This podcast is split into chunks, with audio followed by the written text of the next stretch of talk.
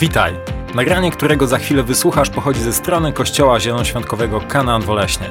Życzymy Ci dobrego odbioru.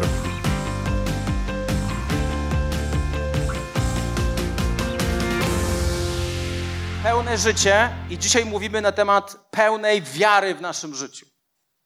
Bóg coś robi w moim życiu w kontekście wiary i powiem wam, że to jest taki temat, że my wszyscy myślimy, że my wiemy. Tak, wiara, my, my wiemy, co to jest wiara. Tak, wiara to jest to, wiara to jest to. Mo, moim zdaniem to jest najbardziej zahukany temat w polskim kościele. Totalnie, zahukany temat. Bardzo często myślimy, że, że rozumiemy wiarę, ale my jej w ogóle nie rozumiemy. Nie rozumiemy tego, w jaki sposób działa wiara i żeby wiara działała, ona potrzebuje współpracy. Wiara, żeby działała, to potrzebuje współpracy pomiędzy Tobą a Bogiem. Ona sama z siebie nie działa. I dzisiaj, chcąc mówić na temat y, pełni wiary, to chciałem, chciałem na samym początku zacząć od tego, że fragmentu z pierwszej księgi królewskiej, z 19 rozdziału, werset 19 do 20. To jest powołanie Elizeusza. W Biblii jest takich dwóch proroków, jeden nazywa się Eliasz, a drugi nazywa się Elizeusz. Okay? Po angielsku to brzmi jeszcze bardziej zagmatwanie, bo jeden to jest Elijah, a drugi to jest Elisha. Okay? Te, te różnice są jakby subtelne. I Biblia mówi tak. Eliasz odszedł zatem stamtąd, stamtąd i znalazł Elizeusza, syna Szafata. Zastał go przy orce. Szło przed nim dwanaście zaprzęgów, a Elizeusz był przy ostatnim. Eliasz podszedł do niego i zarzucił na niego swój płaszcz.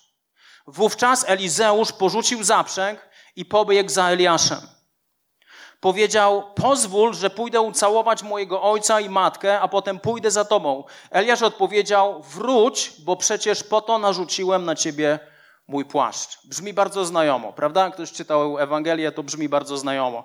Jakkolwiek chciałem ci pokazać sytuację. Przychodzi Eliasz do Elizeusza, aby go powołać na proroka. I zauważcie, co robi Elizeusz.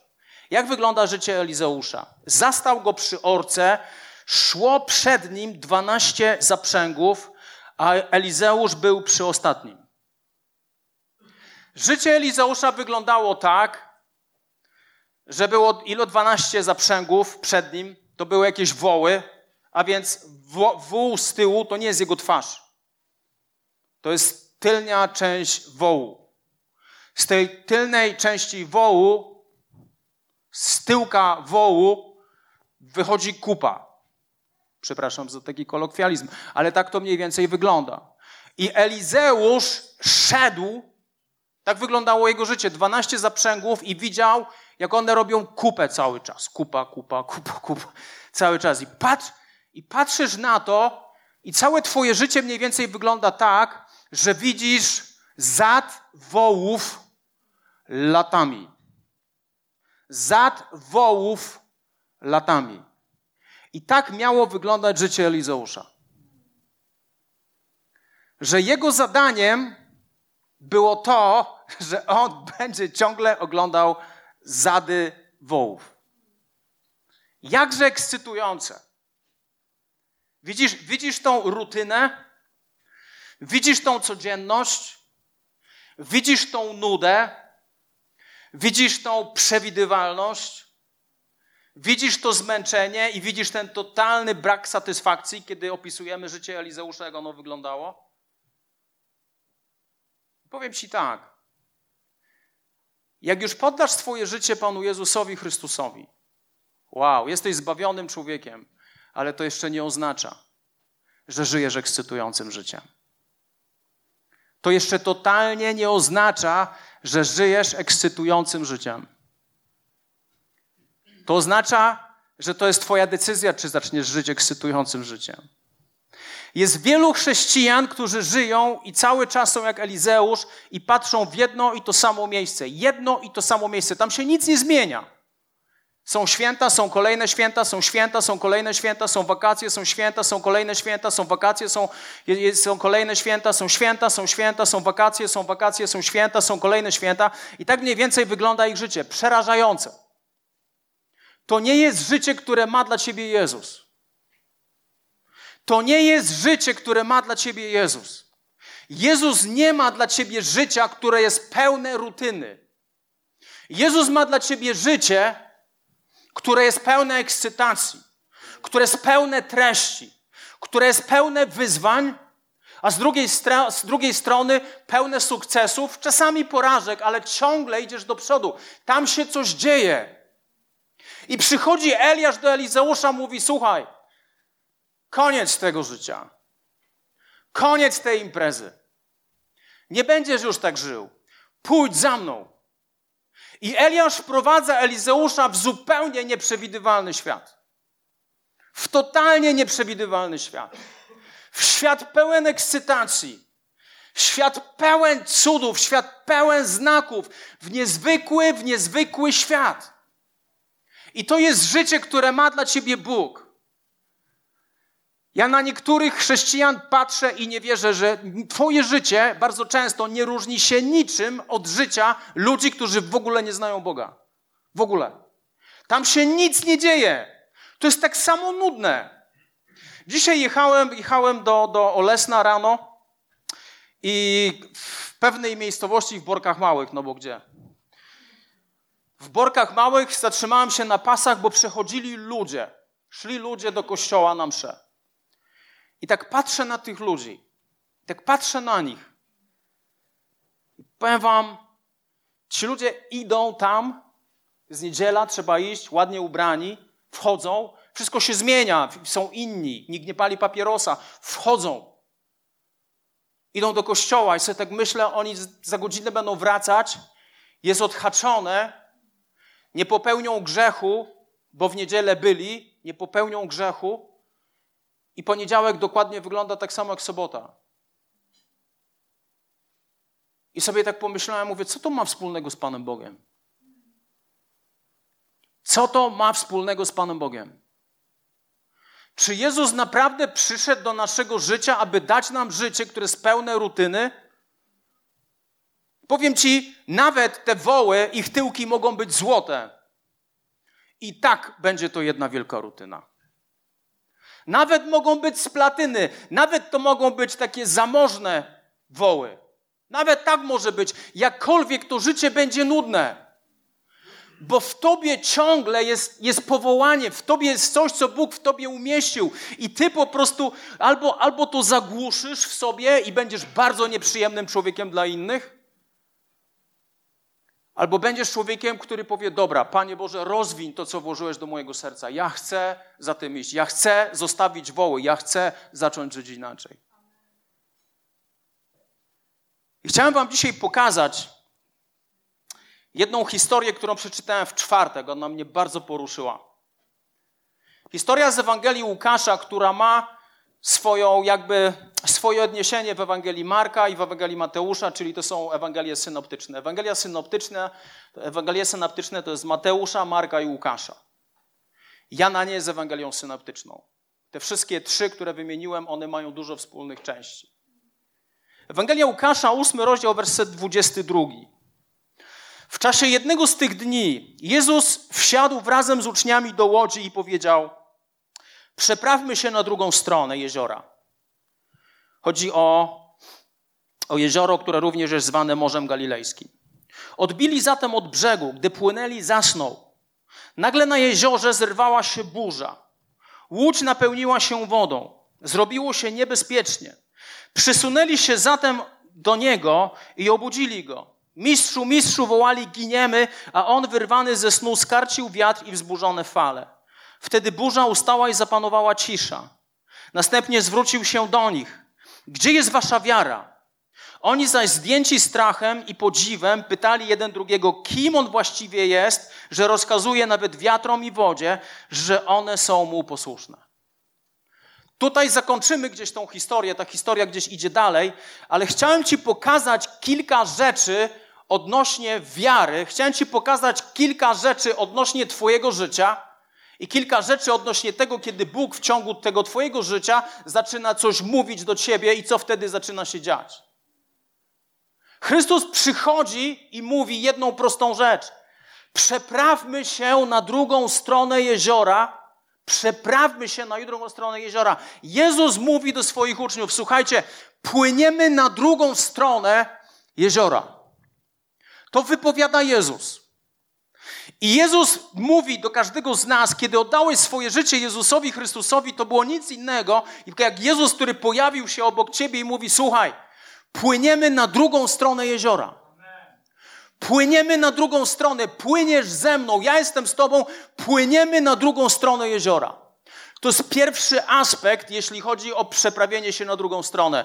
Drugi aspekt przeprawienia się na drugą stronę, czyli to jest wersja makro i mikro. Makro to jest to, że płyniesz z Panem Jezusem, to jest kwestia naszego zbawienia na drugi brzeg. Płyniesz w stronę nieba. Drugi aspekt to jest aspekt mikro, który dotyczy naszego wewnętrznego, naszego życia, które dzieje się tutaj z Panem Bogiem tu i teraz. Bóg daje nam różnego rodzaju wyzwania. Bóg przychodzi często, mówi do ciebie, On chce cię zabrać na drugą stronę. Nie mówimy o końcu życia, mówimy o tym, że Bóg chce cię zabrać w inne miejsce. Bóg chce, abyś zaczął coś robić. Bóg chce, abyś z czegoś zrezygnował. Bóg mówi do ciebie, abyś zaczął coś innego robić w swoim życiu.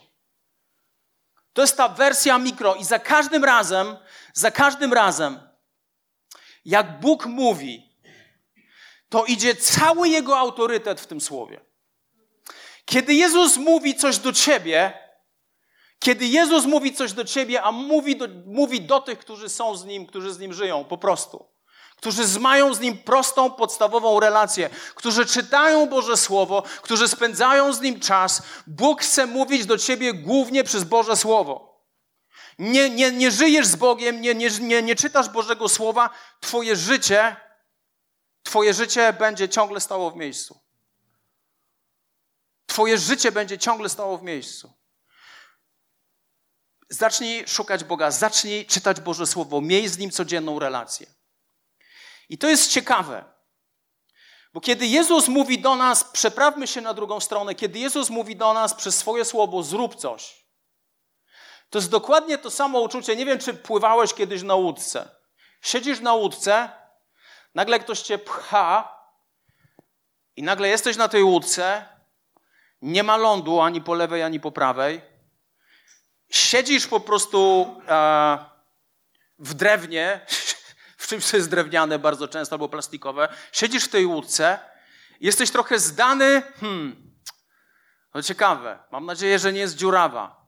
Mam nadzieję, że nie będzie wiatru. Mam, na, mam nadzieję, że nie będzie żadnej burzy.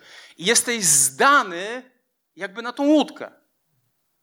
Jesteś zdany na tą łódkę. Cokolwiek, cokolwiek się wydarzy, zacznie wiać wiatr, ta łódka będzie dziurawa, w tym momencie zaczniesz tonąć. Jesteś, jakby ufasz tej łódce, że ona zawiezie się na drugą stronę. To jest ciekawe, bo jezioro, o którym jest tutaj mowa, o którym mówi Chrystus, ono miało w najgłębszym momencie 48 metrów głębokości. A przeciętnie, przeciętnie, jak już odpłynąłeś od brzegu, to jest jakieś 40 metrów. To trochę jest. Można się utopić. Można się utopić. I moment, kiedy kiedy Bóg mówi coś do ciebie, do, Jezus powiedział, przeprawmy się na drugą stronę, kiedy oni odepchnęli się od brzegu, kiedy Bóg mówi do ciebie, zaczynasz coś robić, to jest ten moment, kiedy czujesz się totalnie niepewnie. Kiedy czujesz się totalnie niepewnie na tej łódce. Wiesz, że to, że dopłyniesz na drugą stronę, zależy od wody i zależy od tej łódki. I zależy od tego, czy będą dobre warunki pogodowe. I Jezus bardzo często, bardzo często mówi do nas, abyśmy przeprawili się na drugą stronę. Jezus bardzo często mówi, być może to, co przed chwilą powiedziałem. Być może Jezus mówi do ciebie, bądź w tej grupie, która daje co najmniej 5 tysięcy rocznie, 10 tysięcy, 20, 30. Nieważne, bądź w tej grupie ludzi, podejmij to ryzyko. Zaufaj mi, przepraw się na drugą stronę. Być może Bóg mówi w kwestii, w kwestii przeprawienia się na drugą stronę, zacznij coś robić, zaangażuj się w coś. Być może Bóg mówi do ciebie, nie wiem, idź i powiedz komuś Ewangelię. To przeprawmy się na drugą stronę. To są takie małe wydarzenia, które bardzo często powodują i wytwarzają ekscytację w naszym życiu. Jedno jest pewne: Jezus ma więcej Bożego Słowa, więcej Bożych rzeczy dla ciebie, niż tobie się to wydaje. Przeprawmy się na drugą stronę. Izajasza 55 rozdział, werset 11 Biblia mówi tak. Tak jest z moim słowem, które wychodzi z moich ust. Nie wraca do mnie próżno, lecz wykonuje to, czego pragnę i spełnia pomyślnie to, z czym je wysłałem. Bóg, kiedy mówi coś do ciebie, Bóg, kiedy mówi coś do ciebie, kiedy daje ci słowo, abyś coś zrobił, za tym wszystkim idzie jego autorytet. Za tym wszystkim idzie to słowo z Izajasza. Tak jest z moim słowem, które wychodzi z moich ust. Ono nie wraca na, do mnie próżno, lecz wykonuje to, czego pragnę i spełnia pomyślnie to, z czym je, dzisiaj, z czym je wysłałem. Ten autorytet Bożego Słowa, kiedy Bóg coś mówi, jest niezwykły. Dotyczy to naszego zbawienia. Bóg w momencie, kiedy oddaje swoje życie Jezusowi, Bóg powiedział: Przeprawmy się na drugą stronę, on płynie z tobą. Chcę ci coś powiedzieć. Wylecz się z chrześcijaństwa bez problemów.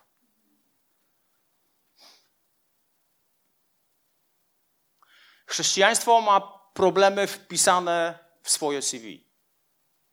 Ma wyzwania, ma trudności. Czasami te trudności są śmiertelne. Jeśli nic złego nie dzieje się w Twoim życiu, to znaczy, że zastanów się, czy jesteś chrześcijaninem. Szczerze. Zastanów się, czy jesteś chrześcijaninem. To jest normalne, że w Twoim życiu będą problemy. Normalne jest to, że kiedy płyniesz na drugą stronę, różnego rodzaju rzeczy będą się działy. Oni odbili od brzegu i Księga Habakuka, drugi rozdział, czwarty werset Biblia mówi tak, oto człowiek niesprawiedliwy nie zazna spokoju duszy, ale sprawiedliwy z czego będzie żyć? Z wiary. Sprawiedliwy nie żyje ze swojej pracy, sprawiedliwy żyje z wiary. Czy to jest fanatyzm? Nie. Chodząc do pracy zarabiasz pieniądze, ale to, że masz pracę, to jest Boża łaska, że On tobie ją dał.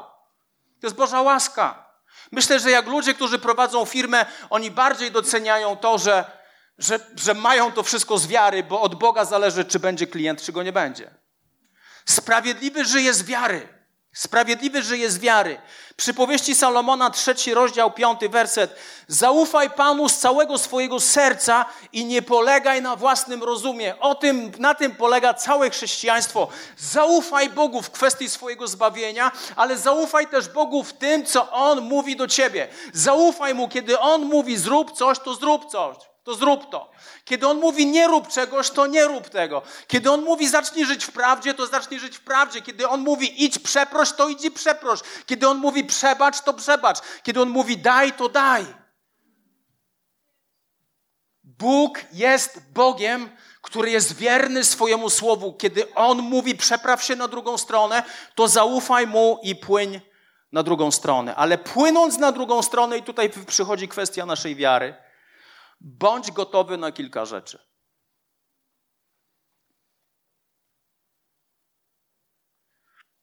Bądź gotowy na kilka rzeczy. Oni byli posłuszni Jezusowi, prawda? Płynęli. Ale kiedy zaczęli płynąć, Biblia mówi, że Jezus zasnął. U. Hmm. Fajnie. My tu płyniemy, a Jezus zasnął. O co chodzi? Często jest tak, że kiedy płyniemy na drugą stronę, kiedy jesteśmy posłuszni Panu Bogu, często jest tak, że mamy wrażenie, że Jezus zasnął. Często mamy wrażenie, że Jezus zasnął. Gdzie jest Jezus? Życie ci się sypie, są problemy, są wyzwania, jest choroba, wywalili cię z pracy, twoje dzieci płyną nie wiadomo gdzie. Gdzie jest Jezus w tym wszystkim? Gdzie jest Jezus w tym wszystkim? Masz rozwalone relacje, psuje ci się wszystko w małżeństwie. Gdzie jest Jezus w tym, w tym wszystkim? Jezus zasnął. To, że on zasnął, nie oznacza, że śpi. Posłuchaj. To, że on zasnął, nie oznacza, że śpi. Jezus ciągle, ale to ciągle czuwa nad Twoim życiem. On ciągle Tobie się wydaje. On czasami jest cicho, czasami się nie odzywa. Wiecie, kiedy Bóg się do nas nie odzywa? Kiedy płyniemy we właściwym kierunku. Kiedy płyniesz we właściwym kierunku, Jezus nie będzie nawet do ciebie mówił, żeby ci nie zaburzać tego. Płyń. Jezus wtedy nam się wydaje, że on jest cicho, że, że, że, że Panie, czemu ty nic nie mówisz? Bo płyniesz we właściwym kierunku. Ale kiedy pojawiają się problemy, wiecie, to jest troszkę jak Bóg nas uczy, jak ojciec uczy syna jeździć na rowerze. Czasami, go, czasami na początku trzymasz go za tą rączkę i go prowadzisz, w końcu go tak puszczasz i na razie. Ale wyobraź sobie, że ja z Filipem, wychodzi, z Tymonem wychodzimy na Borki Wielkie, wychodzimy na wieś, mamy rowerek na gościa, który ma 1,90 m, bierzemy ten y, kijek, ja mam kijek z tyłu, Tymonek siada na ten kijek i zasuwamy po Borkach Wielkich, a ja go ciągle trzymam. Patola, prawda? Bóg też o tym wie, że w pewnym momencie to jest patologia. Czasami płyniesz na drugą stronę, Jezus milczy i patrzy na ciebie, czego się już nauczyłeś. Czego ty się nauczyłeś? Panie Boże, gdzie jesteś? To ty powiedziałeś, że mamy się przeprawić na drugą stronę. Prawda? Ty to powiedziałeś? Tak, ja to powiedziałem. No to czemu nic nie robisz? I Jezus śpi. Jezus zasnął. Dlaczego czasami, jak płyniemy na drugą, drugą stronę, jak jesteśmy posłuszni Panu Bogu, wydaje nam się, że Jezus śpi? Bo Jezus chce wychować dojrzałych ludzi, a nie ciągle dzieci, które potrzebują ciągle, ciągle, aby je zachęcać, zachęcać, zachęcać, zachęcać. Ciągle, żeby zachęcać. Ciągle, ciągle, ciągle. Bóg, czasami Jezus cię puści, weźmie od ciebie ręce i patrzy, jak się zachowasz z tym, co już wiesz. Druga rzecz. Biblia mówi, że zerwała się burza. Pomyśl o tym w taki sposób. To byli, to byli rybacy. Oni patrząc w niebo, oni dokładnie wiedzieli, jaka będzie pogoda. To było całe ich życie. Oni wychodzili, wiedzieli, że będzie wieczorem padać i padało. Oni po prostu znali się na tych wszystkich chmurach. Oni dokładnie wiedzieli, o co chodzi. Dokładnie wiedzieli, o co chodzi. I nagle zrywa się, pomimo wszystko, zrywa, zrywa się burza. Wszystko się zapowiada tragicznie. No jak, jak skąd ta burza? Powiem ci skąd ta burza. Jest jeden przeciwnik w Twoim życiu, który zrobi wszystko, abyś nie przepłynął na drugą stronę. Jest jeden przeciwnik, który zrobi wszystko, abyś zwątpił w to, że on do ciebie powiedział: Przeprawmy się na drugą stronę. Jest jeden ktoś, który zrobi wszystko, abyś zwątpił w to, co Jezus powiedział do ciebie.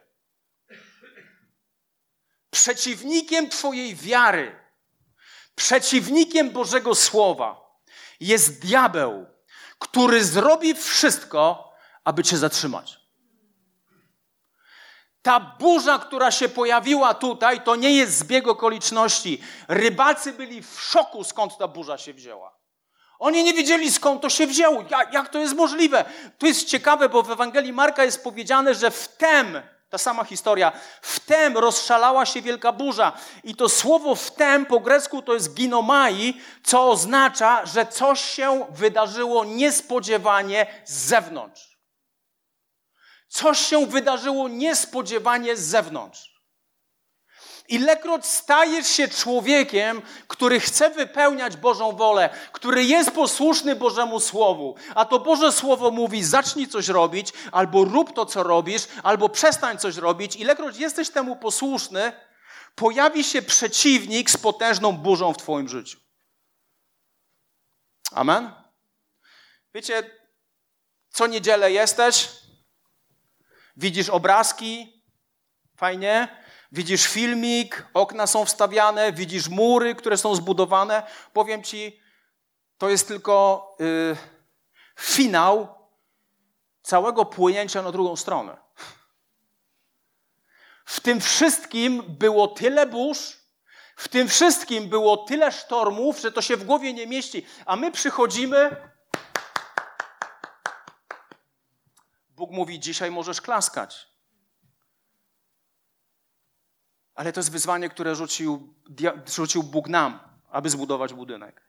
To jest coś, co diabeł próbuje zatrzymać. W Twoim życiu będą historie, które Bóg powiedział do Twojego życia, Bóg Ci dał obietnicę, Bóg powiedział, że masz to zrobić, w tym jest Jego autorytet i diabeł zrobi wszystko, aby Cię zatrzymać. Co zrobić, kiedy pojawia się burza w Twoim życiu? Co, co, co robić, kiedy, kiedy tak naprawdę zadajesz pytanie, co się dzieje? Najpierw, gdzie jest Jezus, a teraz, co się dzieje w moim życiu? List do Efezjan, 6 rozdział, 12 werset, bardzo ważny werset. Nasza walka bowiem nie toczy się przeciwko krwi i ciału. Walczymy ze zwierzchnościami, z władzami, z zarządcami ogarniającej świat ciemności, z niegodziwymi zakusami duchowych sił na wysokościach nieba. Bardzo ciekawe. Paweł mówi w liście do Efezjan: Słuchajcie, wy nie walczycie z cesarzem. Wy nie walczycie z sąsiadem. Wy nie, wy nie walczycie z innymi ludźmi. Wy nie walczycie z trudnościami finansowymi. Wy, wy, wy nie walczycie z, z czymś, co jest widoczne. Paweł mówi, nasza walka bowiem toczy się nie przeciwko krwi i ciału, które możesz zobaczyć, ale walczymy ze zwierzchnościami, z władcami, z zarządcami ogarniającymi świat ciemności, z niegodziwymi zakusami duchowymi, duchowych sił na wysokościach nieba. Walczysz z czymś, co jest niewidzialne. I powiem Wam, w miarę upływu czasu, Bóg daje mi coraz większą wrażliwość duchową. Coraz bardziej zaczynam widzieć pewne rzeczy. Coraz bardziej zaczynam widzieć duchowo pewne rzeczy, które się dzieją w moim życiu, ale też które dzieją się z innymi ludźmi. Coraz bardziej Bóg zwiększa moją wrażliwość w tym temacie i bardzo często widzę, że my nawet nie jesteśmy świadomi, kto jest naszym wrogiem. My bardzo często walczymy z ludźmi, którymi, których używa diabeł, aby cię niszczyć. My bardzo często walczymy z okolicznościami, których używa diabeł, aby cię zniszczyć. Ty nie walczysz z czymś, co jest widoczne, ty nie walczysz z czymś, co jest cielesne, ty walczysz z czymś, czego nie widać. Ty walczysz z czymś, czego nie widać. I pojawia się ta potężna burza. Nie wiadomo skąd. I uczniowie w tamtym czasie nie wiedzieli nic na temat Bożej zbroi. Oni byli jeszcze przed ukrzyżowaniem Chrystusa. Biblia mówi, że Wielki Piątek, co się stało, Chrystus wystawił na pokaz wszystkie zwierzchności, wszystkie demony. To wszystko zostało rozbrojone. Uczniowie jeszcze nie mieli o tym pojęcia, ale my żyjemy w czasach po ukrzyżowaniu, zmartwychwstaniu Jezusa. My żyjemy jako ci, którzy wiedzą, jaki mają autorytet i my wiemy, czym jest Boża zbroja. Największy problem w chrześcijańskim życiu polega na tym, że my normalnie żyjemy chrześcijańskim życiem i ono jest bardzo, bardzo pasywne. Ono po prostu ucieka z tygodnia na tydzień. Ona ucieka z tygodnia na tydzień, z miesiąca na miesiąc. Z roku na rok ono ucieka. My jesteśmy pasywni do tego stopnia, że cokolwiek złego się dzieje, my w ogóle nie reagujemy.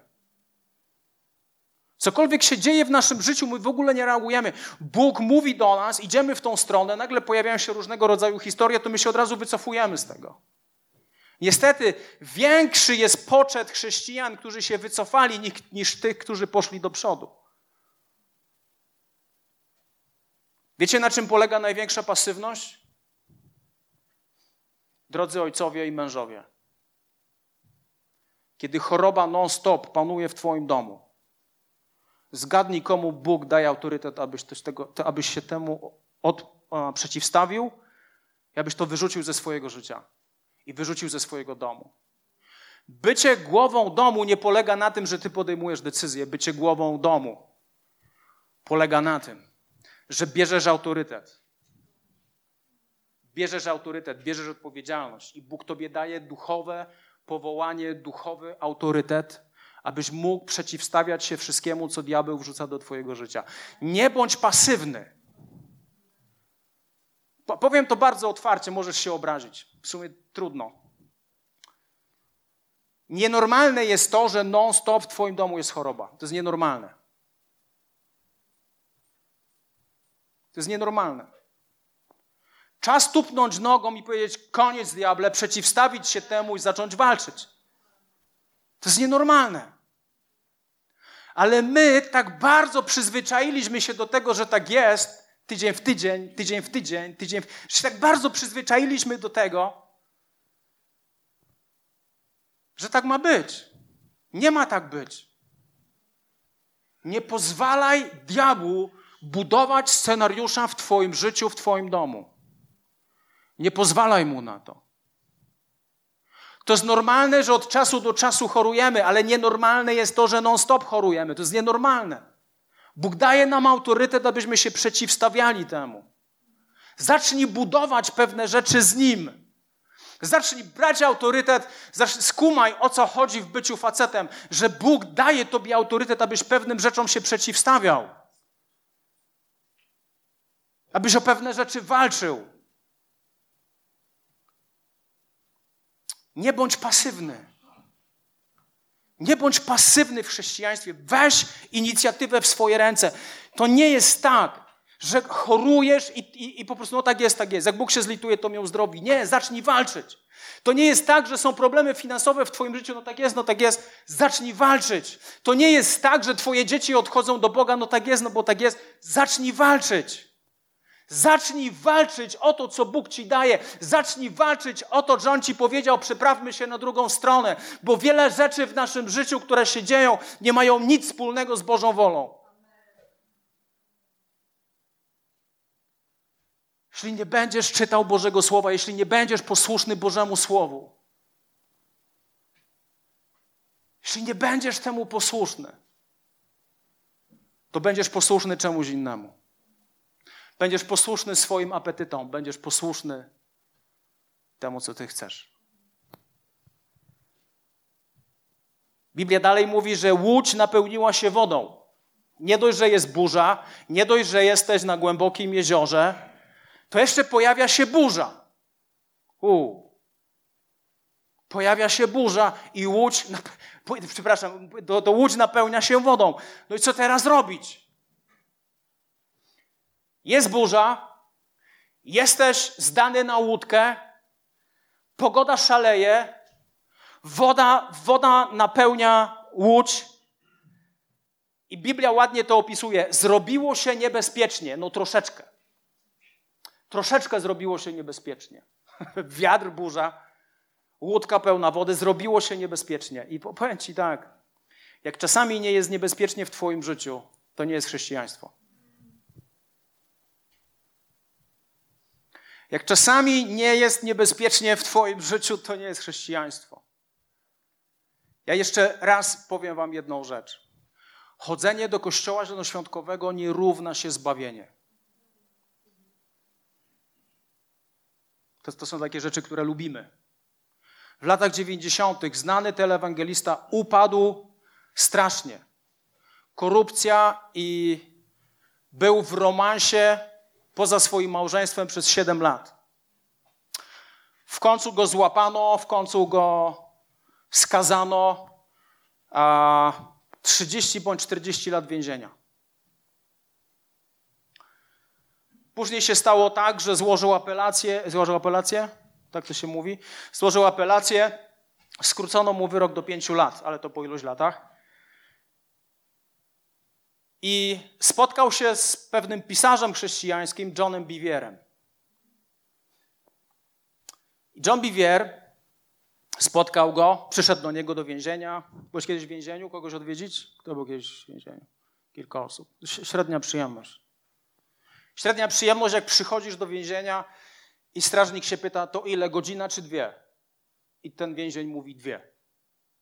No i musisz dwie godziny z nim siedzieć.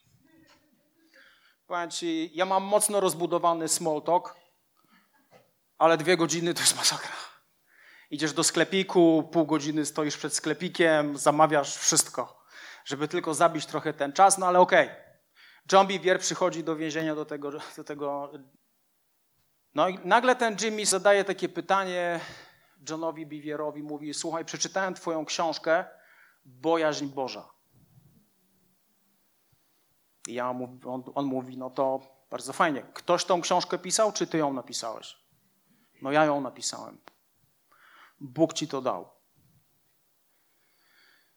I oni rozmawiają, rozmawiają, rozmawiają, rozmawiają. I nagle, skracam historię, John Bivier mówi do tego Jima, mówi, słuchaj, jesteś w więzieniu, popełniłeś kilka przestępstw, zdradzałeś żonę przez 7 lat, powiedz mi, kiedy to się stało, że ty odpadłeś od Jezusa i przestałeś Go kochać? Na co Jimmy mówi, John, ja nigdy nie przestałem kochać Jezusa. Ja ciągle Go kocham. To się nigdy nie zmieniło. John Bivier był mocno skonfudowany i mówi, no to, to o co chodzi? Jimmy popatrzył na Johna, mówi, ja jestem jak większość chrześcijan na świecie. Kochamy Jezusa, ale w ogóle nie mamy przed Nim bojaźni. W ogóle nie mamy przed Nim bojaźni.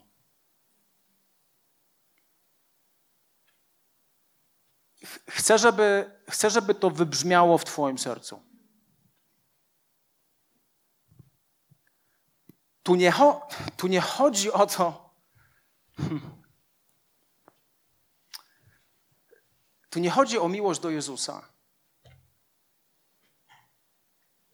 Tu chodzi o to, czy ty masz świadomość, że on wszystko widzi. Czy ty masz świadomość, że on wszystko słyszy? Czy napawa cię to jakimś szacunkiem do Pana Boga, czy nie?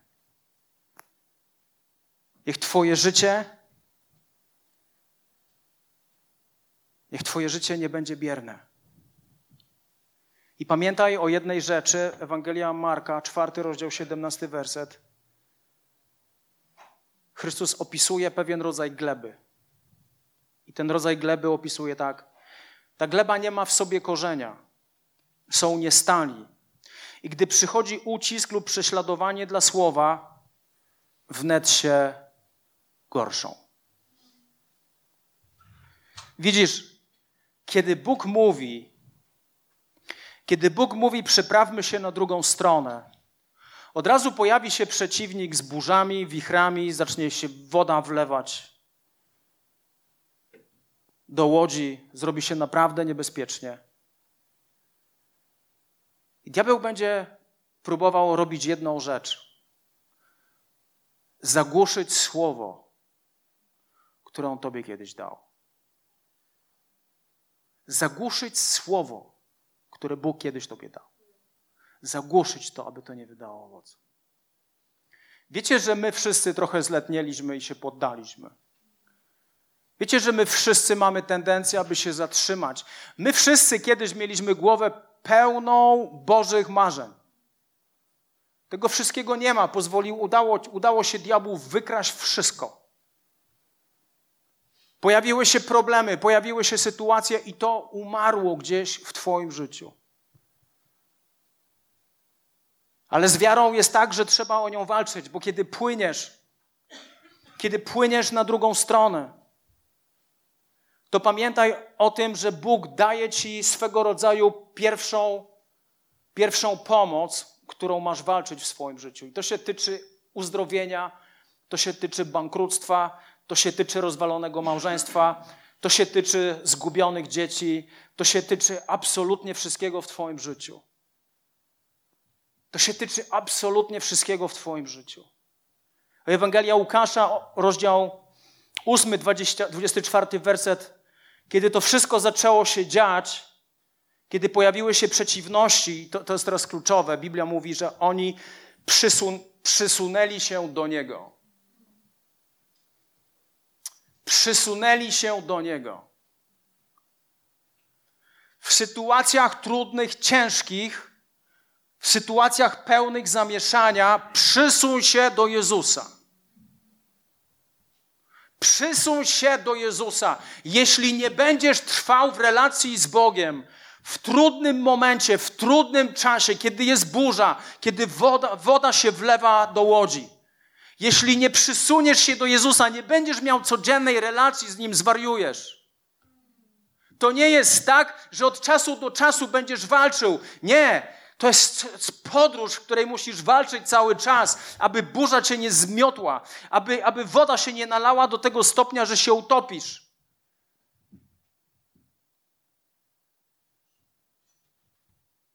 Przysuń się do Jezusa. Ewangelia, e, list do Efezjan, szósty rozdział, szesnasty werset Biblia mówi tak. Zawsze wznoście tarczę wiary, dzięki niej ugasicie każdy rozżarzony pocisk złego. Załóżcie też hełm zbawienia i weźcie do ręki miecz ducha, którym jest słowo Boga. W każdej modlitwie, gdy tylko zanosicie prośby, módlcie się w duchu, bez względu na porę, w tym celu czuwajcie z całą wytrwałością i wstawiajcie się za wszystkimi świątymi. Pierwsza rzecz. Musisz mieć tarczę wiary. Posłuchaj mnie bardzo uważnie. Niektórzy z Was siedzicie na komórkach, inni jesteście gdzie indziej. Posłuchajcie mnie bardzo uważnie. Diabeł w naszym życiu unicestwił nas. Poddaliśmy się temu, poddaliśmy się burzom, poddaliśmy się wodzie, poddaliśmy się jakiejś wielkiej rozwałce w naszym życiu, poddaliśmy się temu wszystkiemu. On sobie robi co chce, bo my nie walczymy bo my nie walczymy. Jakże byliśmy podekscytowani, że założymy kościół w Lublińcu. Przyszedł diabeł, bum! Wszystko padło na twarz. Jakże byliśmy podekscytowani, że założymy kościół w Opolu. Bum! Wszystko umarło. Kto to walczy? Jakże byliśmy podekscytowani, że założymy kościół w Dobrodzieniu. Bum! Umarło. Kto to walczy? Kto o to walczy? Diabeł już przemówił. Ale czy my daliśmy odpór? Czy my przeciwstawiliśmy się temu? Czy my coś z tym zrobiliśmy? Po pierwsze, ubierz tarczę wiary. Tarcza wiary jest zbudowana z Bożych, z Bożego słowa logos. W języku greckim jest słowo logos, które to jest całe Boże Słowo, i jest słowo rema, to jest precyzyjne Boże Słowo. Całe słowo logos mówi tego typu rzeczy. Nie bój się, bo ja jestem z Tobą, nie lękaj się, bo ja Bogiem Twoim wzmocnię Cię i dam Ci pomoc, podeprę Cię prawicą i sprawiedliwością, sprawiedliwością swoją. Logos mówi niewzruszenie, trzymajmy się nadziei, którą wyznajemy, gdyż ten, który złożył obietnicę, jest wierny. Logos mówi, abyście nie stali się ociężali, lecz byli naśladowcami tych, którzy przez wiarę i cierpliwość dziedziczą obietnicę. Logos mówi, lecz mimo tego wszystkiego odnosimy się wyraźne, odnosimy wyraźne zwycięstwo dzięki temu, który nas ukochał. Jest czas powstać. Jest czas się obudzić. Jest czas się obudzić. Diabeł robi rozpierduchę w naszych małżeństwach. Diabeł robi rozwałkę w naszych rodzinach. Sprzedajemy nasze powołanie na lewo i prawo. Sprzedajemy miasta, gdzie Bóg chce, aby były kościoły. I my się na to patrzymy, uśmiechamy, a diabeł robi co chce. Jest czas się przeciwstawić, jest czas wziąć tarczę wiary i przeciwstawić się wszelkiemu diabelstwu, które on wrzuca do nas. Biblia mówi o tym, Biblia mówi o tym, że ta tarcza pozwoli nam gasić pociski złego. Dalej Biblia mówi o tym, żebyśmy wzięli hełm zbawienia. Hełm ochrania nasz umysł. Hełm chroni nasze myśli. Jest czas wypełniać się Bożym Słowem. Jest czas wypełniać się tym, co pochodzi od Boga. Niech, niech przychodzi przemiana myślenia do Twojego życia. Napełniaj się Bożym Słowem. Nie bądź bierny w swoim chrześcijaństwie. Nie bądź bierny w swoim chrześcijaństwie, bo nie różnisz się wtedy niczym od ludzi idących w borkach małych do kościoła na msze. Niczym. Absolutnie niczym. Jesteś tak samo bierny odhaczyć. Bogu nie chodzi o to, żebyś cokolwiek odhaczał. Bogu chodzi o to, żebyś, kiedy On ci powiedział, przepływ, przepraw się na drugą stronę, to płyń. Płyń z Nim.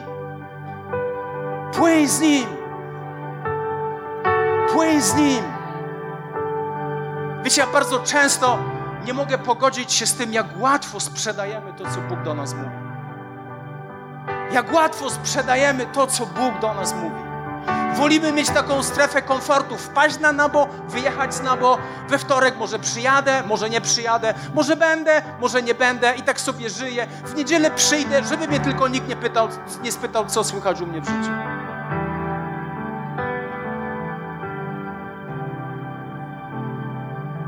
Tarcza wiary. Hełm zbawienia. I dalej Paweł mówi, weźcie też miecz ducha, którym jest słowo od Boga. To jest greckie słowo rem. Powiem Ci tak, jeśli śpisz, jeśli zaprzedałeś to, co Bóg od Ciebie chciał, jeśli zaprzedałeś, modlę się, aby Bóg Cię obudził. Szczerze, modlę się, aby Bóg Cię obudził, aby Bóg Tobą potrząsnął, dlatego, że ten człowiek, który był w więzieniu, on popatrzył na Johna Biviera i powiedział, słuchaj, John, to więzienie nie jest dla mnie karą, jest łaską, bo gdybym dalej brnął w czym brnąłem, byłbym w piekle, ale Bóg mnie obudził. Jimmy prowadzi teraz swoją służbę wyciągającą ludzi z tego, że upadli kiedyś i ich podnosi. Nie sprzedawaj, nie sprzedawaj tego, co Bóg do ciebie powiedział. Chroń tego, co Bóg do ciebie powiedział. Miej tarczę wiary, miej hełm zbawienia i miej miecz ducha, którym jest Słowo Boże. To jest to Boże rema. Ale żeby Bóg dał ci rema, trzeba z nim spędzić czas. Żeby Bóg dał ci rema, trzeba z nim spędzić czas. To nie chodzi o to, abyś biał z zachwytu, bo Bóg komuś dał rema. Mi Bóg dał rema, kiedy chorowałem. Jana 11,4. Ta choroba nie jest na śmierć, ale po to, żeby Syn Boży był przez nią uwielbiony. Mi Bóg dał rema. To nie o to chodzi. Bóg chce dać Ci rema do Twojej sytuacji, do Twojego problemu, abyś zwyciężał, bo Bóg zawsze daje nam zwycięstwo. Płyń na drugą stronę. Płyń, ale niebezpiecznie nie tak zachowawczo, ale płyń na drugą stronę. Płyń na drugą stronę, tam, gdzie posyła Cię Bóg. Zacznij robić to, co Bóg do Ciebie mówi. Zacznij robić to, co Bóg do Ciebie mówi. Halleluja, Panie. Wiecie, co jest niesamowite?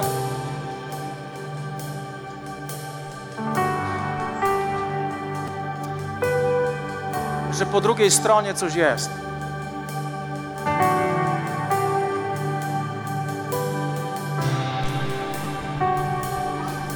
Że po drugiej stronie coś jest. Wiesz, co jest po drugiej stronie? Po drugiej stronie jest zbawienie Twojej rodziny.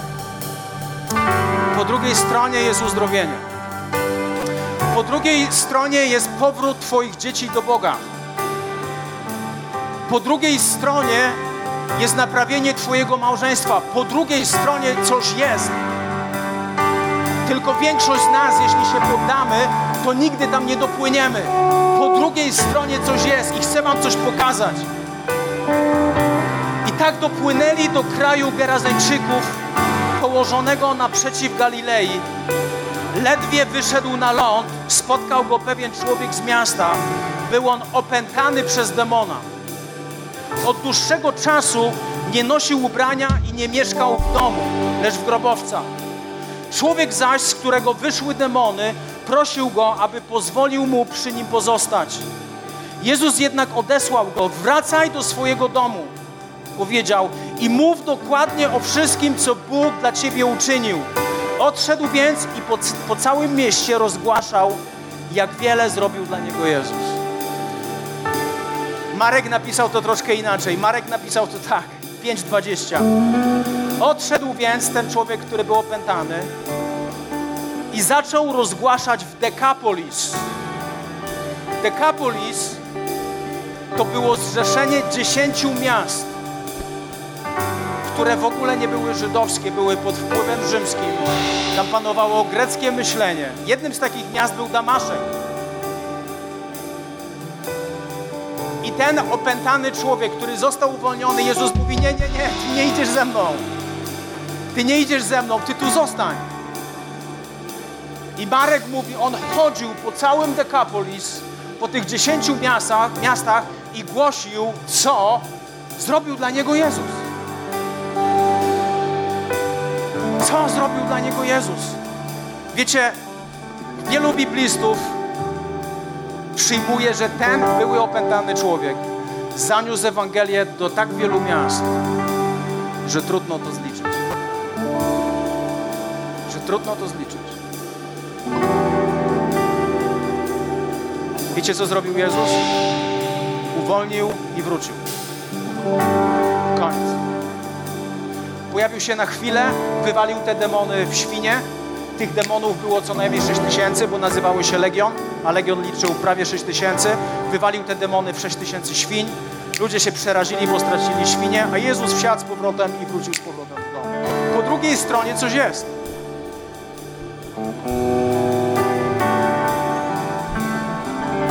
Tarcza wiary, hełm zbawienia, miecz ducha, którym jest Słowo Boże. Ale nigdy się nie poddawaj. Płyń, płyń, płyń, płyń i się nie poddawaj. Opole czeka. Lubliniec czeka. Dobrodziej czeka. Jest tyle miast, które ciągle czekają. Jest tyle miast, które ciągle czekają. Bóg użył jednego uwolnionego człowieka, aby ten poszedł do Dekapolis, do tych dziesięciu różnych miast i głosił tylko to, co Jezus dla niego zrobił. Nie poddajemy się, amen.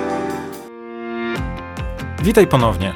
Dziękujemy za wysłuchanie tego nagrania i mamy nadzieję, że pomoże Ci ono zbliżyć się do Boga. Jeśli dziś podejmujesz decyzję o zaufaniu Jezusowi i uznaniu Go Twoim Zbawicielem, to chcemy Ci pogratulować. Modlimy się o Boże działanie w Twoim życiu i zapraszamy Cię serdecznie do Kanaanu, ponieważ wierzymy, że Kościół, czyli wspólnota wierzących ludzi, to najlepsze miejsce do wzrostu i rozwoju duchowego. Szczegóły dotyczące naszych spotkań znajdziesz na stronie www.kanan.pl oraz w naszych mediach społecznościowych.